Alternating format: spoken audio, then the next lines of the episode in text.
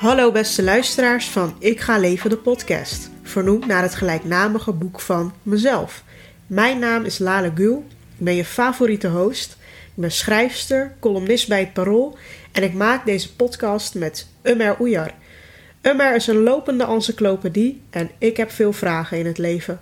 Heb jij die ook? Dan is dit het juiste adres voor jou. Yes, zijn we weer. Hey. Hi. Ik hoorde Hey. je net eh, kritisch zijn over de eerste aflevering. Ehm, ja.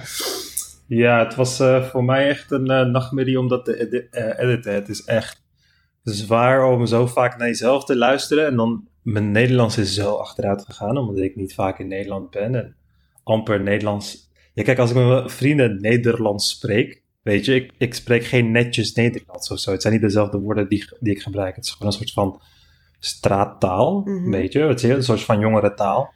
Dus eh, ik heb zoveel domme fouten gemaakt dat ik niet het juiste woord kan vinden en dan een totaal ander woord ervoor invul. Of ik, ik zei op, op een gegeven moment het wereld. En ik dacht echt van wow. En de hele tijd, gewoon elke keer als ik er doorheen moet luisteren, word ik geconfronteerd. Ik denk van, je klinkt echt als een idioot. Weet je, maar ik wil wel dat de mensen weten van, eh, het komt gewoon eh, om het feit dat ik in de laatste vier jaar waarschijnlijk maar eh, anderhalf jaar in Nederland ben geweest. ja, mensen Dus, moeten eh, niet... wel mijn eh, excuses daarvoor. Mensen moeten niet zeuren, want eh, jij bent amper in Nederland en je hebt geen Nederlandse studie eh, gedaan, toch? Ja, ja. ja, precies. Ik doe, mijn, mijn leven is voornamelijk eh, in het Engels. Maar het is karma, weet je. Want tijdens die, eh, dat hele hipster-Turk ding had ik het ook over dat de on, eh, on, eh, onintegreerde Turk... Dat is dan die Turk die echt van dat soort simpele taalfouten maakt... en de taal nog steeds niet beheerst. En weet ik veel wat allemaal. En nu hoor ik er gewoon tot bij. Het is, het is, gewoon, eh, het is gewoon karma, ja. Ja, ja. Nee, maar het is denk ik iets algemeens dat als je jezelf eh terugziet op tv of terughoort of zo, dat je denkt, huh, mijn stem is anders, weet je wel, dan in je eigen hoofd. En waarom zit ik zo vaak aan mijn haren en waarom eh, lach ik zo stom of zo? ja, ja, ja. Ja, ja. Ja, dat, dat is Ja, denk klopt. ik iets eh, waar eh, iedereen eh, last van heeft, die, die zichzelf terugziet. Jij hebt hem ook teruggeluisterd. Wat vond jij ervan? Nou, ik, ik moest daar in het begin ook aan wennen, maar omdat ik mezelf al zo vaak hoor en zo, bij andere podcasts en zo, en eh, Mhm. dat ik op tv en zo kom, ben ik het nu inmiddels gewend. Maar ik heb Ja. laatst iets van Arjen Lubach geluisterd en die zei ook van, ik kan gewoon niet naar mezelf kijken, dan, dan cringe ik hem gewoon helemaal. Dus het is, Ja. eh, het is denk ik iets algemeens. Je hoeft je niet te zorgen. Ja, ik denk dat het inderdaad gewoon voor je eigen mentale gezondheid niet goed is om eh, dat soort dingen terug te luisteren. Want je, ik, ik heb ook heel erg last van, oh, dat had ik zoveel beter kunnen zeggen. Weet je? Ja, precies. En eh, op dat moment, eh, ja, maar ja, dat kan je over alles zeggen. Want probeer daar maar, eh, weet je, op het moment on the fly op te komen. Dat kan niet. Achteraf kan je dingen altijd beter verwoorden als je er wat langer over nadenkt natuurlijk. Ja, dat gevoel is echt, echt, echt kut. Vroeger ook, als je een discussie had en dat je dan in je bed ligt en denkt, shit, had ik Ja. dit maar gezegd. ja, ja, Ja. ja, ja, precies. Ja, dus je hebt gewoon hetzelfde, maar in plaats van die discussie in je hoofd af te spelen, kan je hem gewoon eh, op de computer eh, opnieuw afspelen, weet je. En dan word je echt geconfronteerd. Dan zie je de, de, de realiteit wat meer. Maar ja, het was wel interessant. Maar eh, ik denk wel, we hebben ook veel geleerd over hoe we de, de kwaliteit wat beter moeten, de audio-kwaliteit wat beter moeten waarborgen en zo. Dus eh, ja, we, we, we leren ervan. Ik denk dat we stapsgewijs wel naar een wat kwalitatiever product komen. Ja, laten we even een disclaimer doen. Je hoort dus in de eerste aflevering eh, gepiep van mijn wasmachine. Je hoort af en toe eh, onze stem luider. Muisgeklik, ja, toetsenbord tikken. En dan zijn we weer zachter en dan weer luider. En jij hebt er Ja. echt uren in gestoken om dat een beetje Ja. te fixen. Hoe lang ben je er eigenlijk mee bezig geweest? Ja, echt super lang. Kijk, het probleem is ook, het is voor mij de eerste keer. En wanneer je dan met een soort een nieuw programma moet werken en weet ik veel wat. Als je, als je de functies niet kent, als je, als je het gereedschap niet kan gebruiken, nog niet weet te gebruiken, dan eh, duurt alles heel veel langer. Dus heel veel tijd gaat in dingen leren en leren hoe dingen makkelijker moet. Maar je leert wel dat als je het vanaf het begin tijdens de opname niet goed aanpakt, dan ja, duurt het eh, achteraf in het editproces duurt het zoveel langer. Want de volgorde, weet je, wij hadden helemaal geen volgorde. We begonnen bij eigenlijk, dat weten de mensen niet, maar bij de vorige podcast begonnen we ergens helemaal op het eind met het, de hele, het hele voorstelronde en weet ik veel wat. Ja. En dat moest ik weer eh, aan de voorkant plakken en weet ik veel wat. Dus het was niet echt goed doordacht. Maar uh, weet je, je leert er gewoon van stapsgewijs. Dus ik denk dat het wel goed komt. Ja, aldoende leert men. Ik denk dat, ja, deze, dat is, dat deze aflevering wel makkelijker voor jou wordt. ja, ik ja, hoop ja. Oké, laten we dan ook maar gelijk beginnen. Met de deur in huis vallen. Ik wil het vandaag met jou hebben over identiteit eigenlijk. Wat is identiteit? Hmm. Uh, je hoort dat woord zo vaak, hè? Van wat is de Nederlandse identiteit, de Turkse identiteit, ja. uh, allochtonen die zich niet kunnen vereenzelvigen met de Nederlandse identiteit, et cetera, et cetera. Je hoort ook heel vaak een zoektocht naar identiteit in je jongere jaren. En op de een of andere manier uh, kunnen, ja, dat is ook zo, weet je. Ik heb ook naar mijn identiteit gezocht. En ik denk jij ook wel. Um, en ik wil gewoon me in, verdiepen in de vraag: wat is dat identiteit? En waar hangen we dat aan op? Uh, waarom uh, kiezen bijvoorbeeld uh, Turkse voetballers voor Turkije en niet voor Nederland? Dit soort vragen wil ik jou stellen. En dan wil ik eigenlijk beginnen met de documentaire die ik heb bekeken op Videoland. Dat heet One Way Ticket to ISIS. Uh, ik weet niet hmm. trouwens waarom het een Engelse titel is, want het is gewoon Nederlands gesproken en het gaat ook over uh, Nederlandse families waarvan de kinderen uh, naar ISIS zijn gegaan, naar IS, Islamitische Staat, gewoon naar Syrië afgereisd om daar dood te gaan, waarvan de meeste mensen ook dood zijn gegaan. Um, maar wat mij dus opviel, ik ging er best wel blanco in. En ik dacht, oh ja, dat zullen wel gewoon hele religieuze families zijn of zo. Maar wat me dus opviel was Totaal niet. Het waren totaal moderne, seculiere ouders. En hun kinderen waren het geloof veel meer gaan praktiseren en zelf onderzoek gaan doen en naar lezingen mhm. gaan en ineens hele andere kleding en helemaal zichzelf isoleren en uiteindelijk stiekem naar IS. Waarvan zij niks begrepen. Gewoon moeders die geen eens een hoofddoek dragen. Uh, vaders die er super modern uitzien, die helemaal niet zoveel met het geloof hebben. En ik vroeg me af, ja, hoe komt dat nou? En is het een probleem wat, wat een groot probleem is? Of is het echt iets typisch alleen bij hun? Of hoe, hmm. hoe zou jij dit zien?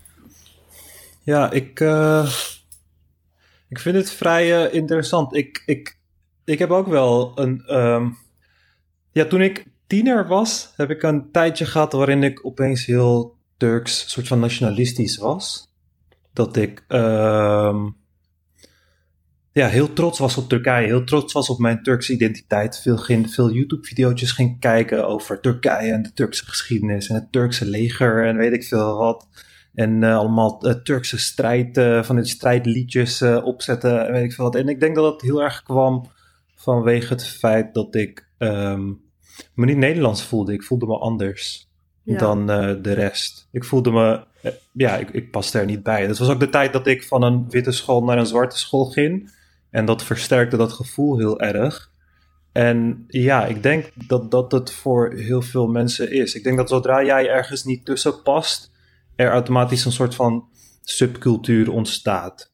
Mm. Um, en dat heb je heel erg veel bij allochtonen. Bij allochtonen heb je heel erg veel Um, dat, um, ja, die, die, ja, hoe, hoe kan je het noemen? Het is een soort van, je, je adapt de, een, een identi je adapt een andere identiteit veel sterker, omdat uh, de huidige identiteit niet bij jou past op de een of andere manier. Maar waarom past die Nederlandse identiteit niet bij ons? Ja, ik, ik denk dat het uh, heel erg te maken heeft met ook waar we de vorige aflevering over hadden. Met dat we gewoon in van die geïsoleerde buurten zitten waar we niet. Um, ja, waar heel duidelijk wordt dat wij en zij tot aparte volkeren behoren, zeg maar. Um, dus zoals ik al ook zei, van op een witte school had ik dat veel minder dan op een zwarte school. Dus ik denk wel dat dat uh, heel erg meespeelt. En dat merk je ook aan um, ja, dingen zoals uh, armoede en zo. Als je kijkt naar dat de kinderen die eruit zien als jou en praten als jou het een stuk slechter hebben dan de kinderen die uh, dat niet doen. Dus uh, ik denk dat het heel erg meespeelt. En ik, ik denk dat zodra men dat gevoel heeft van ik, hou er, ik, hoor er niet bij, dan kan, kunnen de meest simpele dingen opeens zo uh, groot worden in je hoofd. Weet je, dan is iets simpels als een, een Turkse afkomst opeens iets om enorm veel bij te voelen en trots op te zijn. weet ik veel wat. Omdat het therapeutisch werkt. Hè? Het hield een wond die is veroorzaakt omdat je een soort van afgestoten bent. weet je? Dus ik, ik denk dat dat er heel erg bij meespeelt. heb, jij, heb jij mensen gekend persoonlijk die naar IS zijn afgereisd? Oh nee man, van waar moet ik ze kennen? ja nee, want ik, uh, ik kende wel uh, kinderen bij mij. Ik, ik, kende, ik ken twee twee, kind, ik heb twee jongens die ik uit mijn jeugd heb gekend. Eentje zit nu op de internationale terroristenlijst. Serieus? Nog ergens meer een bank, bankrekening en weet ik veel wat. Ja, ja. En een andere die uh, eh, IS heeft gejoind. En als ik naar die jongens kijk, dan zie ik ook dat het soort van um, buitenbeentjes waren. Weet je, ze voelden zich niet thuis op school. Of, uh, en uh, een van die jongens die was in de, tot aan de derde heel populair. Was een knappe jongen. Hij was heel populair met de meisjes en weet ik veel wat allemaal. Uh, die ging uit en die ging met meisjes naar feestjes. En uiteindelijk uh, voelde hij hem toch niet en ging hij de, religieuzere kant op. En is hij afgereisd naar IS. Maar daarom, dat, zie ik altijd wel terug. Het is of om een soort van gat op te vullen of om een wond te helen. En heel vaak komt die wond gewoon vanwege het feit dat je je niet thuis voelt ergens. Of dat je je een soort van afgestoten voelt. En wat kan, weet ik veel wat. wat kan Nederland doen om bijvoorbeeld dit in de toekomst te voorkomen? Dat mensen zich gaan isoleren of vijandig gaan voelen tegenover Nederland, Frankrijk, België. Uh, hoe kun je zulke mensen ja, niet radicaliseren? Ik denk dat je in een stadsplanning, uh, wanneer je zo een, een, stad plant, zeg maar, dat je daar ook in moet meenemen, uh, een soort van de multiculturele uh, spread, zeg maar, met hoe je dat uitverdeelt. Dat je dat daarin moet meenemen, dat dat heel belangrijk is. Het, het zijn echt die um, communities, die afgesloten communities waar alleen de allochtonen wonen, die echt het probleem zijn, denk ik. Zodra je het wat meer uh, uitspreidt, zeg maar, dat, dat het dan ophoudt. En hetzelfde met, kijk, het zal nooit helemaal ophouden. Hè? Mensen blijven. Um, vorige aflevering had het ook een beetje over dat, dat uh, religie soort van psychological needs kan vervullen die moeilijk te vervullen zijn. Uh, kijk, als jij niet weet wat het doel van het leven is of zo, een van de grootste existentiële vraag van, uh, van, van, de wereld, weet je, wat, wat is het doel van het leven? Als jij daar geen invulling voor kan vinden in je leven, dan zal, zal de religie daar ook wel inspringen. En dat kan goede of slechte gevolgen hebben. Maar ik denk dat, dat we als eerst moeten beginnen bij de verspreiding van um, dat soort mensen. Of ja, dat soort mensen. De verspreiding van multiculturele, multiculturele inwoners. Uh, dat uh, al een groot verschil zal maken. Want dat is echt wel wereldwijd het, het, grootste probleem. Weet je, hoe meer je die, dat soort mensen bij elkaar. Hoe meer je een, uh, een, een marginalized bevolkingsgroep bij elkaar propt, des te groter de problemen zullen zijn. En dat leert de historie maar tegelijkertijd wil je ook niet evenveel allochtonen overal in Amsterdam. Want je hebt mensen die in plekken willen wonen zonder allochtonen. En daar, uh, dat is hoe dat probleem ooit is begonnen, weet je. Van ik wil niet die arbeidsmigranten bij mij in de buurt, dus uh, we stoppen ze in deze uh, volksbuurten en weet ik veel wat allemaal. Weet je wat ik ook dacht? Toen ik die documentaire keek, dacht ik ook van misschien is het gewoon sowieso, zeg maar rond je 20ste, 21ste, gebeurt het gewoon denk ik bij iedereen. Dat je denkt van oké, wat is mijn doel in het leven? Waar ga ik voor strijden? Mhm. En bij mhm. moslims kan dat dan dus, dus, toevallig die kant op gaan. Maar uh, het kan ook bijvoorbeeld vroeger kon je ook ineens heel radicaal communist worden. Of uh, ja, sommige mensen worden extreem rechts. Dat zijn ook jongeren. En ja. anderen worden weer, weet ik veel, kick-out Zwarte Piet, uh, klimaatactivist.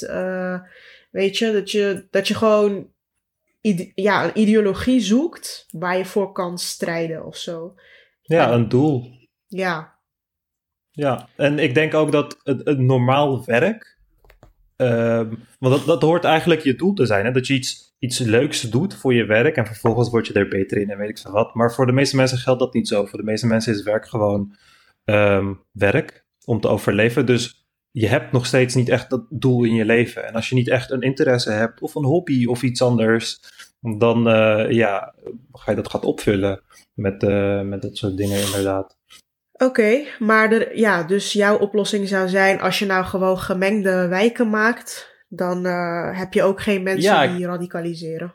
Ja, dat is, dat is een heel klein. Uh, ik denk dat dat de grootste stap is die uh, ondernomen moet worden en dat al veel problemen kan oplossen, maar het zal er nooit voor zorgen dat de problemen verdwijnen. Hè? Want je, je hebt zelfs bij uh, mensen die ja, heel gelukkig zijn opge opgegroeid. Weet je, je kan gewoon in een Nederlandse familie opgroeien, heel gelukkig. En je hebt niks te klagen. Je, je woont in een. Je bent opgegroeid in een goede buurt, goede school. En je kan alsnog bekeren tot de islam en radicaliseren. Die dingen gebeuren uh, altijd, maar je kan wel het gros ehm, van, de problemen, van de problemen aanpakken. En over het algemeen ook, weet je, we hebben niet echt een, een, een soort van psychologische, de psychologische support voor jongeren of zo. Het bestaat niet. Je wordt aan alle kanten door bedrijven, door media en weet ik veel wat, wordt, worden jongeren uh, gemanipuleerd. Hè? Uh, uh, je zelfbeeld wordt omlaag gehaald. Er wordt je verteld van je moet dit hebben om succesvol te zijn en je moet dat hebben om gelukkig te zijn en weet ik veel wat. Aan alle kanten worden jongeren aangevallen. kwetsbare breinen als het ware. En het zijn in principe overal dezelfde psychologische tactiekjes.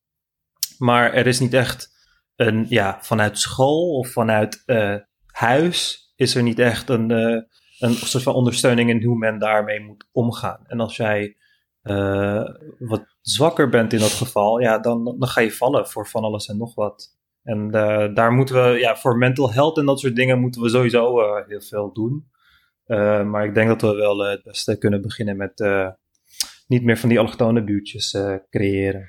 Maar jij zei ook nog iets anders opvallends. Je zei dat je een tijdje nationalistisch was. Uh, ja. Turks nationalistisch. En daar hebben meer Turken last van. Uh, De ene plaatst een Ottomaanse vlag in zijn Twitter-bio. De ander plaatst ja. Atatürk. Ja, ik was ook zo. Ja, maar je hebt ook zeg maar meerdere Turkse nationalismen. Dus je kan of een Otto ja. Ottomaanse nationalist zijn, of je kan Atatürk plaatsen, of je kan uh, hoe noem je dat? Die, die Turk letters met die, hoe noem je dat? Die, uh, die van die rare letters, weet je wel? Oh ja. Um, Snap je wat ik bedoel? Ja, uh, oud-Turks. Ja, oud-Turkse alfabet. En dan, dat zijn dan. Ja, dat zijn. Tengri en weet ik veel wat. Ja, ik weet niet eens precies waar, ja. waar die voor staan, maar. Ja, ja, ja. Uh, ja, je hebt inderdaad meerdere soorten daarvan. Als je seculiere ouders hebt, dan uh, zal je waarschijnlijk meer Atatürk profielfoto op Facebook hebben. En als je moslimouders hebt, dan, uh, of ja, conservatieve ouders hebt, dan zal het meer Ottomaan zijn. Ja, ik denk dat het, het is heel lastig. Kijk, voor mij was het, um, ik weet het niet. Ik weet niet waarom ik het deed. In mijn hoofd heb ik het altijd zo gehad dat als jij je afgezonderd voelt en jij hebt zelf nog niet echt dingen. Kijk, je bent nog een kind, hè? je bent nog jong. Je hebt zelf nog niet echt dingen gedaan die echt een identiteit kunnen vormen, waar je trots op kan zijn of weet ik veel wat. Dus dan uh, voeg je bij die collectieve identiteit. Dan ben je trots op die dingen, weet je? Dus jij hebt nog heel weinig gedaan. Dus jij kan niet zeggen van, oh, ik ben super trots op dat ik dit heb gedaan. Maar je kan wel trots zijn op de slag van 18, weet ik veel wat, van de Ottomanen. En daar alles over weten. En vervolgens jezelf echt sterk voelen. Van, oh ja, kijk, ik behoor tot echt een groot en machtig volk. En uh, dat was een onderdeel ervan. Ik denk dat ik als. Op, ik weet het nog, het is echt cringy dat ik dit ga zeggen. Op Hives was mijn username Turku, uh, Turku for life. weet je, en dan had ik allemaal foto's van Turkije en weet ik veel wat. En ik denk dat dat gewoon. Uh, het was echt op de periode dat ik op de zwarte school zat. Dat ik dacht van. Dat ik me waarschijnlijk minder waardig voelde. En dat ik dan dacht van. Uh, ja, ik hoef die, de hele Nederlandse identiteit niet. Moet ik met jullie kleine kutland? Ik heb hier gewoon een fucking groot land met, uh, en dan had je van die feitjes van, oh, Turkije heeft het tweede grootste leger van de wereld en weet ik veel wat allemaal. En dat soort dingen laat hij gewoon machtig voelen. Dan hoor jij daarbij. Weet je, je bent een klein kind dat zich soort van aangevallen voelt of geconfronteerd voelt door de Nederlandse maatschappij. En vervolgens heb jij zo'n grote broer, weet je, een soort van imaginary friend in je achterhoofd, weet je, die dan gewoon naast jou staat Nou, waar je dan uh, mee kan pronken van, kijk, ik behoor hier ook bij. Maar is het niet, dat... uh, het is ook totaal niet stoer om de Nederlandse identiteit aan te nemen, volgens mij. Omdat het inderdaad zo'n nee. klein kutland is. Ik bedoel, in Amerika ja. hebben nee, ze... Maar het is ook niet stoer voor Nederlanders. Ja, want in Amerika hebben ze juist helemaal geen integratieproblemen, denk ik. Omdat iedereen zich daar gewoon Amerikaan voelt. Omdat Amerika super machtig is. Dus daar wil je ook mee Ja. identificeren. Ja, en Amerikanen zijn ook stukken nationalistischer dan Nederlanders. Kijk, omdat Nederlanders zelf niet nationalistisch... Nederlanders, het boe- boeit Nederlanders echt geen reet. Kijk, tuurlijk ben je voor Nederland tijdens eh voetbalwedstrijd, eh, weet ik veel wat. Maar de hoeveelheid Nederlanders die het eh, volkslied uit zijn hoofd kent, kan ik echt op één hand tellen. Weet je, terwijl in Turkije is dat iedereen. Iedereen kent dat en iedereen voelt dat. En die emotionele band met die, het soort van de collectieve identiteit is veel groter in, eh, in Amerika ook en in, eh, in, in Turkije. In, in Nederland heb je dat, heb je dat niet. In Ja. Nederland is, is de indi- individuele. Want oké, als je het hebt over de Nederlandse identiteit. De Nederlandse identiteit bestaat niet. Wat, de- wat is de Nederlandse identiteit? Weet je? Is iemand, heeft iemand uit Urk en iemand uit Amsterdam dezelfde Nederlandse identiteit? Nee, twee totaal andere mensen. Weet je, dus eh, wij, wij zijn wat individualistischer op dat, op dat gebied. Maar Dus, er zijn eh, ook ja. mensen die heel boos worden als je zegt dat de Nederlandse identiteit niet bestaat. Dat heeft de koningin een keer gezegd. En toen werd ze Ja. echt gehaat. Eh, Ja, maar kijk, de Nederlandse identiteit bestaat niet. Maar je Nederlandse identiteit bestaat nog wel. Ja, maar dat geldt, toch voor, een- dat geldt voor elk land, toch? De Turkse identiteit Ja. bestaat toch ook niet? Ja, maar die is wel veel ehm, sterker aanwezig. Je kan veel meer eh, een soort van hoofdpunten aanwijzen waar eh, het grootste deel van die Turken eh, het eens mee zijn Nou, of iets bij voelen. Koerden niet, Dan in- in. Nederland. Ja, ja, ja, ja, klopt. Maar in, Nederland is dat veel. Kijk, in Nederland heb je een handjevol mensen. De, de grootte van Konya, een land. En om de, om de vijf kilometer is het een totaal andere ja, denkwijze, weet je. Als je vijf kilometer uit Amsterdam rijdt, dan ben je al eh, in plekken waar eh, eh, de denkwijze en de identiteit die die mensen hebben heel anders Maar er zijn wel overkoepelende dingen, denk ik, die de Nederlandse identiteit vormen. Ja, maar tegelijkertijd heb je die overkoepelende dingen ook bij de dingen die buiten die identiteit vallen. Kijk, tegen homo's zijn is ook een groot deel van de Nederlandse identiteit. Hè? In eh, plekken zoals de Bible Belt of weet ik veel wat allemaal. Weet je, Be- bepaalde homorechten is tegen de Nederlandse identiteit in, dat- in, in, in- die delen. Dus die botsen. Die botsen met de Nederlandse identiteit die wij in ons hoofd hebben. Weet je, en ik, ik weet dat mijn Nederlandse identiteit, wat ik vind als Amsterdam, de meeste Nederlanders haten Amsterdam. Ze vinden ons allemaal arrogante klootzakken. eh, We zijn een super links stadje, weet ik veel wat allemaal. Ja. Dat, dat is mijn Nederlandse ident- identiteit. En ja, ik, ik voel me enorm Nederlands, maar ik voel me niet dezelfde Nederlands als een Nederlander. Weet je? Mhm. Het is, het is, een, heel ander, eh, het is een heel ander gevoel. En dat, dat merk je ook. En denk je dat nationalisme voordelen heeft? Want ik denk dat het in Nederland heel erg kapot is gemaakt na de Tweede Wereldoorlog, omdat het vooral nadelen had Mhm. dat je zo nationalistisch was. Want dan Ja. ga je. Nationalisme betekent ook per definitie dat je andere mensen uitsluit. Hè? Ja, Dus misschien Ja, is het ook wel eh, eh, goed dat je niet zo'n identiteit hebt. Of... Ja, ik, ik hou sowieso niet heel erg veel van nationalisme. Ik denk dat het v- veel belangrijker is om. Kijk, het is, het is, het is belangrijk om in een land eh eh, soort van globaal dezelfde waarden te delen. Maar eh, eh, dat is maar een heel klein deel van een identiteit. En eh, ik vind dat. Kijk, nationalisme vind ik een beetje als religie in de zin van dat het bepaalde eh, ehm, ja, tekortkomingen in het brein of tekortkomingen in de emotie gewoon ondersteunt. Het voedt die gewoon. Weet je, en dat merk je ook van mensen die eh, stukken nationalistischer zijn dan anderen. Dat, dat, dat, dat, zie je ook, weet je, waardoor dat komt. Dat zie je ook de verschillende persoonlijkheid tussen die mensen. En het heeft 100% voordelen. Het zorgt voor unity en dat soort dingen, weet je. In Turkije is elke Turk nog steeds een Turk. En eh, ze bloeden allemaal hetzelfde bloed en het zijn allemaal broeders en weet ik veel wat allemaal. En eh, in Nederland eh, is, dat, is dat wat minder. En als er in Nederland, in Nederland de pleuris zou uitbreken, zijn er heel weinig mensen die bereid zouden zijn om, ja, het leger in te gaan en te vechten en weet ik wat, vergeleken met landen waar het nationalisme veel hoger is. Ja, Dus daar is, eh, daar is onderzoek, overduidelijk eh, een groot... Ja, daar is onderzoek naar gedaan. 10% van Nederland zou het leger ingaan, van de mannen. Dus dat betekent Ja. dat we wel een groot probleem hebben als hier de oorlog uitbreekt. Ja. Oh ja, want dat, dat, is, dat, dat kan ik er ook aan toevoegen. In de tijd dat ik, want wij Turken, hè, mannen, wij hebben dienstplicht. Wij moeten, eh, begin twintiger, moeten we naar eh, het leger. En toen ik dus jong was in die Turkse tijd zat, toen dacht ik, ja, ik wil echt super graag naar het leger. Dat dacht ik, ik dacht echt ik wil heel erg graag naar het leger.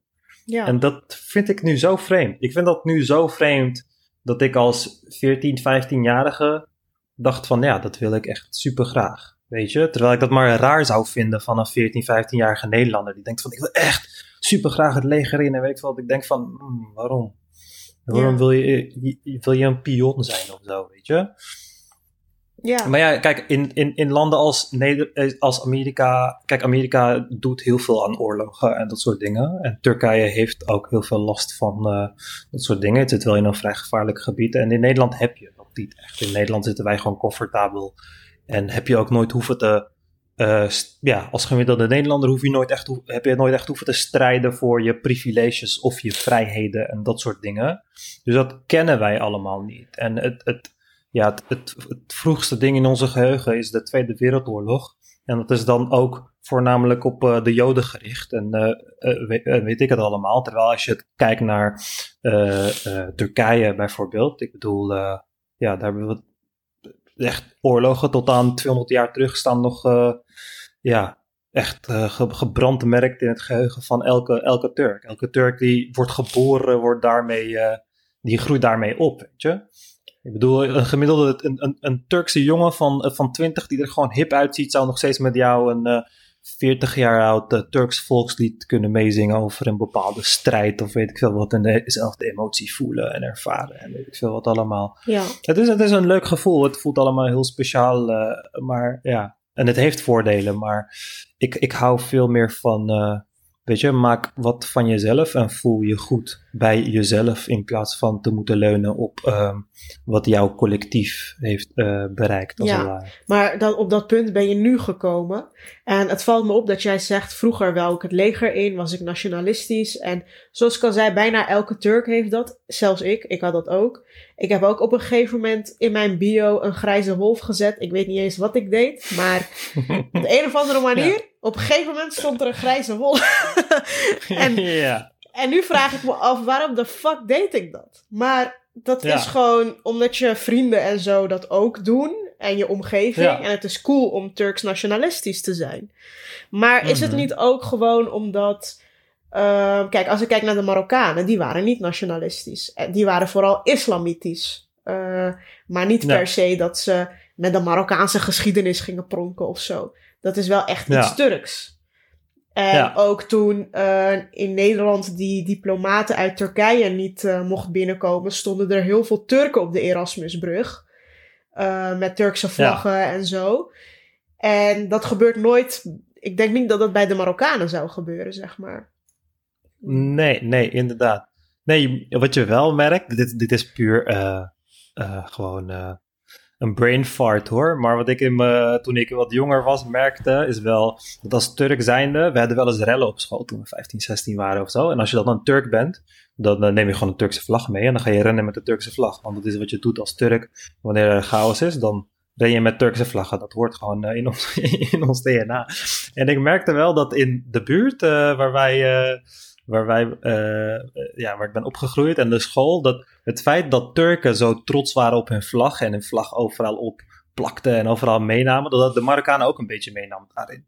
Dat ik ook steeds vaker, ietsje vaker Marokkaanse vlaggen begon te zien en zo. Ik heb wel gemerkt in mijn jeugd dat het is niet zo, het is nooit zoveel geweest als bij de Turken, maar ik heb het wel langzaam zien groeien ook. Een Marokkaanse vlag op je tasje en op je scootertje en op je, weet ik veel, op je petje en weet ik veel wat allemaal. En opeens een Marokkaanse eh voetbaltenue en weet ik veel wat allemaal. Dus dat is, da- daar, eh, dat is daar ook gegroeid. Maar inderdaad, de, de Turken die hebben het echt het, het, het, het meest extreem. En ik, ik denk dat wij heel erg gewend zijn om ehm, te, te idoliseren of zo. Maar is het niet Ik denk- omdat, eh, kijk, eh, als je op school zit, je krijgt over Michiel de Ruiter of zo.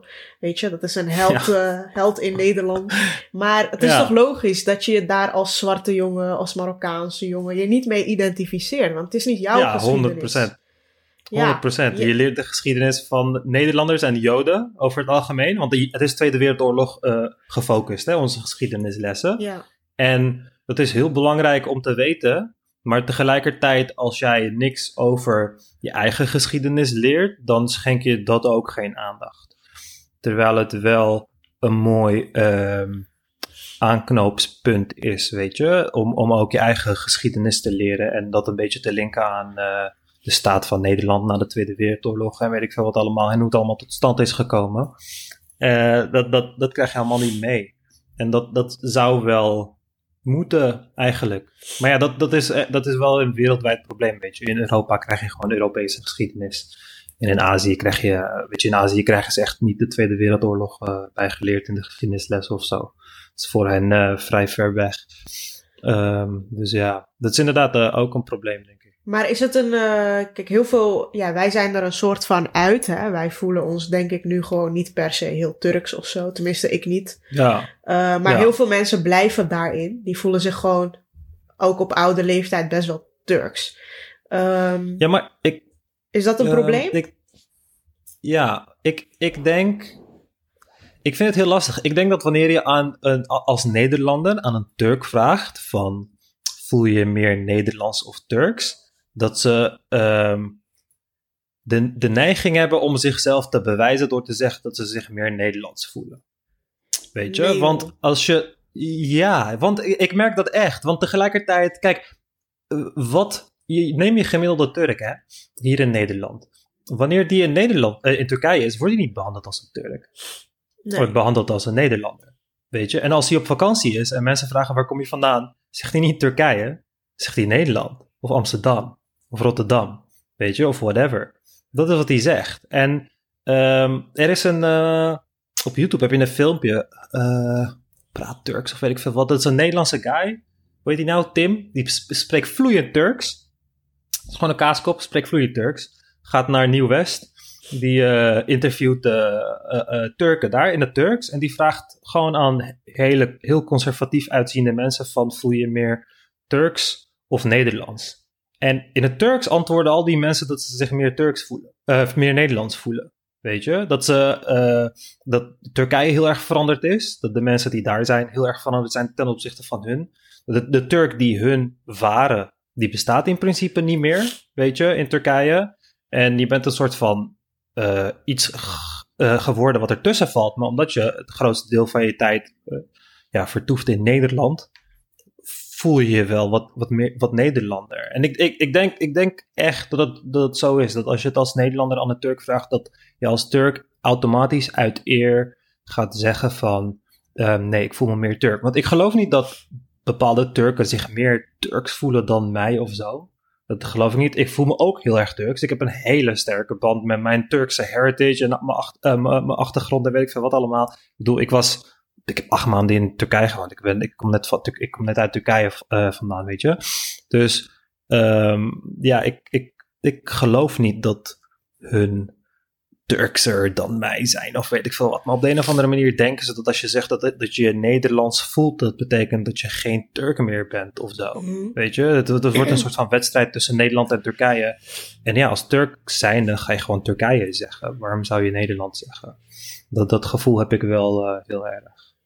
Ja, maar wat ik eh, meestal merk als er bijvoorbeeld eh, WK is of EK en Nederland en Turkije gaan tegen elkaar en ik deel op Insta dat ik eh, een oranje shirt heb en oranje tompoesen zit te eten en zo, dan krijg ik heel veel haat.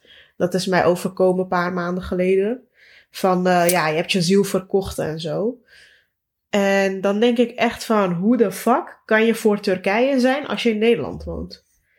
Tenminste, Ja. ik snap dat niet echt. Mm, ik denk dat het met sport wat lastiger is. Ik denk dat met sport kan je sowieso best wel snel switchen. En op zich kunnen Nederlanders eh, of Turken en Marokkanen gewoon voor Nederland zijn. Ik heb genoeg Turken en Marokkanen gezien met een Nederlandse voetbaltenu. Eh, ehm, wanneer hun eigen land niet in het plaatje is. Maar wanneer je eigen land in het plaatje is, dan ben je toch voor je eigen land op de een of andere manier. En uh, ja, ik voel dat ook wel op de een of andere manier. Ik, ik vind dat niet echt. Ik vind, ik, vind, ik vind niet dat het per se iets slechts Ik, ik zie niet in waarom, uh, waarom het voor Nederland zijn of voor Turkije zijn in zo'n situatie een heel erg groot verschil moet maken. Nou, eigenlijk. Het, eigenlijk maakt het niet zoveel verschil. Ik vind het prima als ze voor Turkije zijn of als jij voor Turkije bent. Maar dat mensen dan zeggen, je hebt je ziel verkocht of je bent een nep-Turk. Maar ook als je bijvoorbeeld ABN spreekt, dus, dus gewoon praat zoals ik nu praat. Dan hoor ik van mensen, waarom praat je zo? Je bent toch Turks, wil je dat verbergen? En dan ontploft mijn hoofd gewoon, omdat ik denk, huh? ik praat gewoon ABN, weet je wel? Of, uh, ja, ja, ja. Ja, er is echt zo'n dat... Eh, drang om je Turksheid te behouden of zo. Ja, ik denk dat jij sowieso, omdat, kijk, je zit sowieso nu in een positie waarbij je kritiek gaat krijgen op alles wat je doet. Mhm. Weet je, uh, zat van die mensen die kritiek leveren, die, die zijn ook gewoon voor Nederland wanneer er een belangrijke wedstrijd is en weet ik veel wat. En die gaan ook gewoon mee feesten en die kijken ook gewoon naar de wedstrijd. Weet je? Dus uh, ja, ik, ik, ik, ik denk niet dat er. Ik, ik denk niet dat mensen die daar kritiek op hebben, veel hebben om, uh, veel hebben om op te staan. Maar ja, maar soms baart het me wel zorgen. Want uh, als ik bijvoorbeeld op Bayram, op suikerfeest, niks plaats op Instagram, dan krijg ik van Turken van je plaatst nu niks. En met uh, Nederlandse feestdagen doe je wel gezellig mee. En je hebt wijn op tafel. En je hebt dit en je hebt dat. En uh, nooit praat, plaats je Turkse muziek. Of weet je wel, dat, ze zo, dat ze haat op je gooien. Omdat, omdat ze denken dat ik in een soort alsof ik ernaar streef om meer bij de Nederlanders te horen. Terwijl ik streef daar niet naar. Dat doe ik automatisch. Omdat ik ook gewoon, mhm. ja, dat is gewoon mijn leven en mijn omgeving. En ik voel niet per se, ik heb niks met suikerfeest. Omdat ik ook, ja, ja, maar dat is dan een soort van, ja, je identiteit verlogenen of zo. En dan denk ik, ja, ik weet niet. Ik, ik, ik, maak me dan wel zorgen. Soms ook hele jonge kinderen die dat tegen mij zeggen. En dan denk ik wel van. Ik hoop dat, ja, ik, denk als, dat, ja, ik hoop dat als je ouder wordt, dat je gewoon verstandiger wordt of zo.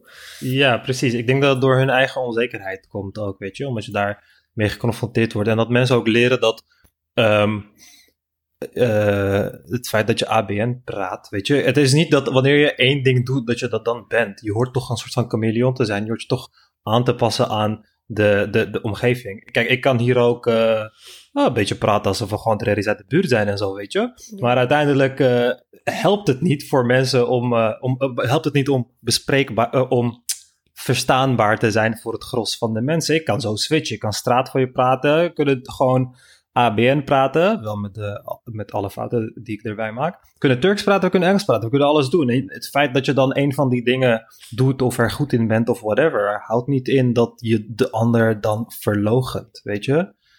Uh, ik vind het een hele rare, hele rare denkwijze, maar ik denk dat het ook uh, voortkomt uit een soort van uh, onzekerheid. En ik, ik heb dat ook wel gemerkt toen ik wat jonger was, dat mensen die wat beter waren in andere talen. Dus Turken hebben altijd last, hebben altijd problemen met Engels. Dat is ook in Turkije zo. Die spreken echt helemaal geen Engels.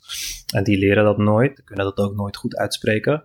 En de kinderen die dat wel konden, de Turkse kinderen die dat wel konden, die wel beter waren in talen, die hadden daar wat minder problemen mee. Die zijn wel wat beter uh, ontwikkeld in, die richting. Maar ik denk dat wanneer je jezelf alleen uh, ja, thuis voornamelijk Turks wordt gesproken en je heel erg veel in die Turkse wereld leeft, dat het dan een stuk uh, ja, confronteerder, geconfronteerde, een eh, soort van meer more confrontating aankomt.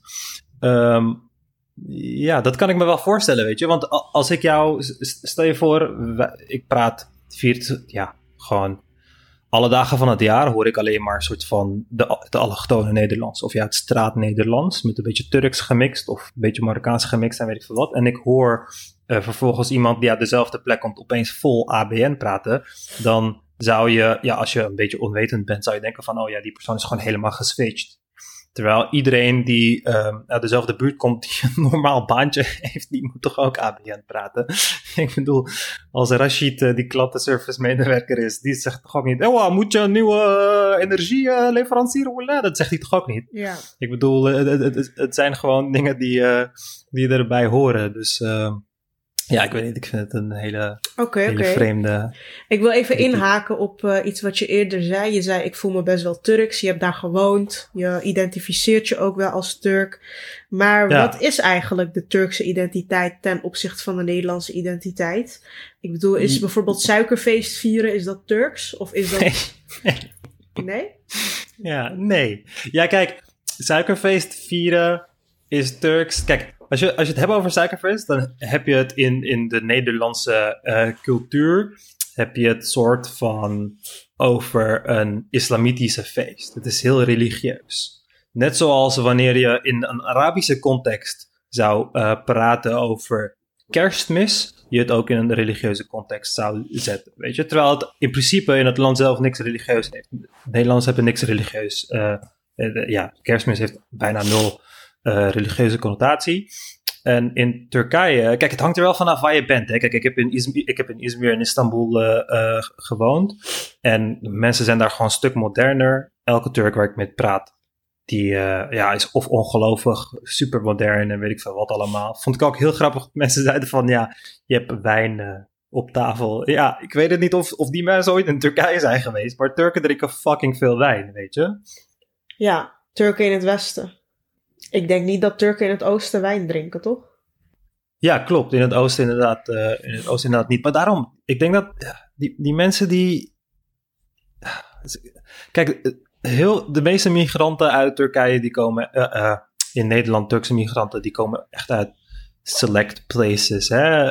Cognac, Karaman en weet ik veel wat allemaal. Het zijn echt van de wat um, conservatievere plekjes. Maar kijk, ik was vijf jaar niet in Turkije geweest. Vier jaar, vijf jaar niet in Turkije geweest. Of vanwege die video, ik mocht er niet in. Anders werd ik gearresteerd en weet ik veel wat allemaal. Dus uh, ik, ik merkte ook dat uh, mijn beeld van Turkije wat conservatiever werd in mijn hoofd. Omdat dat het nieuws is waar je op let. Maar in het Westen is het echt hartstikke modern. En kijk, dat heb je hier niet. Dat, dat hele deel heb je hier niet. Je hebt hier geen Turken die kunstenaar worden of muzikant of weet ik veel wat al het is, het is hier allemaal een en al dezelfde pap. Je gaat of, of rechten studeren als je slim bent, of je wordt taxichauffeur, of je opent een winkel, of weet ik veel wat allemaal. Weet je, het is echt uh, een beetje in, in die categorie is een beetje allemaal uh, een beetje van hetzelfde. Terwijl in Turkije is dat helemaal niet zo. Ik was daar gedurende de hele lockdown. En uh, ja, ik bedoel, als er geen wijn wordt gedronken in, in Turkije, mag je mij uitleggen waarom je om de 15 meter een, uh, een uh, hebt in Istanbul, ja. weet je. Die, die, mensen, die mensen kennen Turken helemaal niet. De moderne Turk, de, de tegenwoordige Turk, die kennen ze niet. Ze kennen alleen de jaren 70 Turk die uh, hun moeder ze heeft meegegeven. En ze denken dat, dat die nog steeds bestaat. Maar ze zijn gewoon blijven hangen in de tijd. Ja, en hoe zou jij de Turkse identiteit omschrijven ten opzichte van de Nederlandse identiteit? Ja, de Turkse identiteit is. Ja, ik, ik vergelijk Turkije altijd heel erg met uh, Amerika. Uh, het, het, is een beetje hetzelfde. Eén, dat je een soort van 50-50 split hebt in soort van conservatief en uh, seculier. En weet ik veel wat, of ja, Democrats, Republicans, whatever. En ook dat uh, je hele grote verschillen hebt in, ehm, in identiteit, afhankelijk van geografische locatie. Dat is best wel, best wel een groot verschil tussen Oost-Turkije en West- Turkije. Maar ja, West-Turkije, Istanbul, de omstreken waar ik vandaan kom, de Westkust, ook Izmir en dat soort dingen. Daar is het, ja, heel veel mensen leven een stuk, een stuk seculierder dan uh, ja, die gemiddelde mensen in, in, uh, in Nederland eigenlijk, weet je. Men, heel veel mensen hebben soort van, wat mij heel erg uh, verraste, was dat elke keer als ik een praatje maakte met mensen, dat is ook zo, in Turkije is het heel makkelijk om vrienden te maken. Um, iedereen wil een praatje maken. Mensen brachten het vanzelf op als we het over politiek hadden, over religie. Kwamen ze er vanzelf mee dat ze ongelovig waren. Ze zeiden, ja, ik geloof, ja, religie is echt bullshit, ik ben ongelovig. En dat wilden ze echt zeggen. Ze wilden luid zeggen van, ik ben ongelovig. En ik dacht van, stil. Je, dat kan je niet zomaar zo luid zeggen.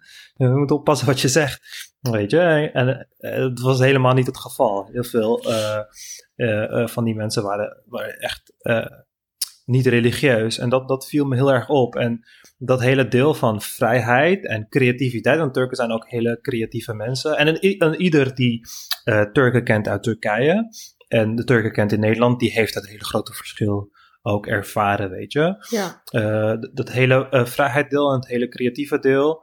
En dat, de trots, dat je de trots een beetje achterlaat, de Turkse trots. En vervolgens gaat werken aan je eigen trots, weet je. Hoe ga ik mezelf ontwikkelen en uh, op, welke, op welk gebied ga ik dat doen? En dat heb je niet in de Turkse identiteit in Nederland. Ja.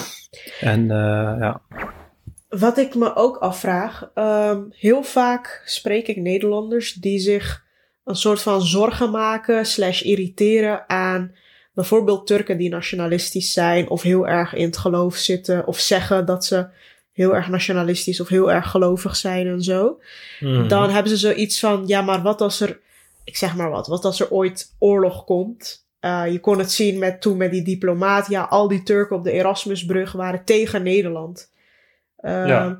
Dus ze maken zich een soort van zorgen dat de consensus in dit land uh, versplinterd wordt. Doordat er meer allochtonen hier wonen. Um, hmm. Je ziet het ook met, ja, de standbeelden moeten we veranderen. Straatnamen moeten we veranderen. We moeten uh, niet alleen blanke witte mannen als filosofen leren op de universiteit, uh, decolonisatie, Zwarte Piet moet weg en et cetera, et cetera. Dus dat, dat hoe meer allochtonen hier wonen in het Westen, dat ze ook steeds meer te eisen hebben. En steeds meer hun eigen identiteit hier doorduwen. Want je hebt nu ook uh, bijvoorbeeld als je folders uh, gaat lezen of zo in het stadsdeel of in, op, ja, in uh, het gemeentehuis. Dan zie je ook gewoon alles in het Arabisch en in het Turks. het is niet meer ja. alleen Nederlands. Ik heb zelfs ja. toen ik in Bosselommer woonde, nog bij mijn ouders, kregen wij brieven in de brievenbus die ook gewoon in het Turks en in het Arabisch waren. In, ja. Niet alleen in het Nederlands. En daar maken mensen zich dan zorgen over. Van uh, ja, waar gaat dit eindigen, weet je wel? Moeten we alles veranderen? Onze hele identiteit gaat weg. Um, ja, op, op taalgebied, dat is echt uh, puur uh, tijdsafhankelijk, weet je. Als je um, ja, twee generaties hebt gehad die van begin tot eind een soort van mee hebben gedaan aan het Nederlands uh, schoolsysteem, het leven in principe, dan zit het wel goed met de taal. En ja, die, die meerdere talen op brieven en zo, weet je, dat is gewoon een, een wanhopige poging. en ook het werkt, weet je, uh, poging van gemeentes of bedrijven, weet ik veel wat, om meer mensen te bereiken, omdat in dat soort delen ja, veel mensen wonen die de taal niet spreken. En kijk, dat is ook het probleem met uh, integratie. Hè? Als je integratie opfokt, als je mensen opfokt, als je iets fouts doet in soort van de upbringing van mensen, het soort van de ontwikkeling van mensen, zijn dat niet dingen die je heel snel kan veranderen, want het zijn mensen. je moet, uh, klinkt heel bot wat ik nu zeg, je moet wachten tot ze dood zijn, voordat je een soort van opnieuw kan uh, beginnen. Die generatie blijft altijd. En dat, dat heb je dan ook. Kijk, je hebt nu dus een heel grote populatie van oudere allochtonen die de taal niet beheersen, die de taal niet spreken. We gaan al die mensen van in de 40, 50, 60, 70 niet Nederlands leren. Dat, dat gaan we gewoon niet kunnen doen. We gaan uh, hun kinderen Nederlands leren. En daar moeten we op focussen en dat soort dingen. En wanneer die oude generatie vervolgens verdwenen is, dan is dat, dat deel vervolgens ook verdwenen. En het hele deel van um, dat ze hun ideologie doordrukken en zo. Ik vind, ik vind dat een moeilijke, want tegelijkertijd um, mag iedereen dat doen. Kijk, ik heb ooit, ik heb ook in het West gewoond en ik heb ooit een, uh, pamflet binnengekregen van uh, Hizb ut-Tahrir, ken je die? Ja. Ja, van, uh, dat is een organisatie die is verboden in uh, heel veel islamitische landen, maar ook in Duitsland en in de UK, maar in Nederland is die legaal. Ik zat er ook een tijdje bij, er is op YouTube. Het is een, even voor de luisteraar, het is een radicaal islamitische organisatie die de sharia wil ja. invoeren.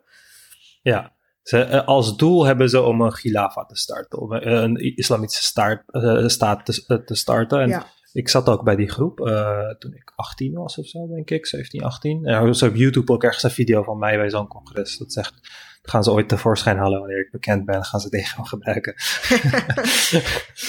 maar ja, ik kreeg een pamflet van hun met wij willen Gilava en de Gilava-conferentie en weet ik veel wat. En ik vind dat eng. En ik vind het ook heel eng dat um, een Nederlander dat in zijn bus krijgt. Uh, en ja, er moet ook onderzoek gedaan worden dan dat soort organisaties. En uh, een stop gezet worden als het te ver gaat. Maar als ze niet te ver gaan, dan, dan mag het. En dat is een beetje het probleem. Weet je, ik, ik, ik word ook heel erg kriebelig van Jehovah's getuigen. En pamfletten die ik krijg van uh, ja, christelijke organisaties of van die kleine soort uh, business card grote foldertjes die je in je bus krijgt altijd van iemand die spreuken kan doen, weet je. Meneer Sumo die dan uh, spreuken kan doen voor je vrouw en weet ik wel wat allemaal.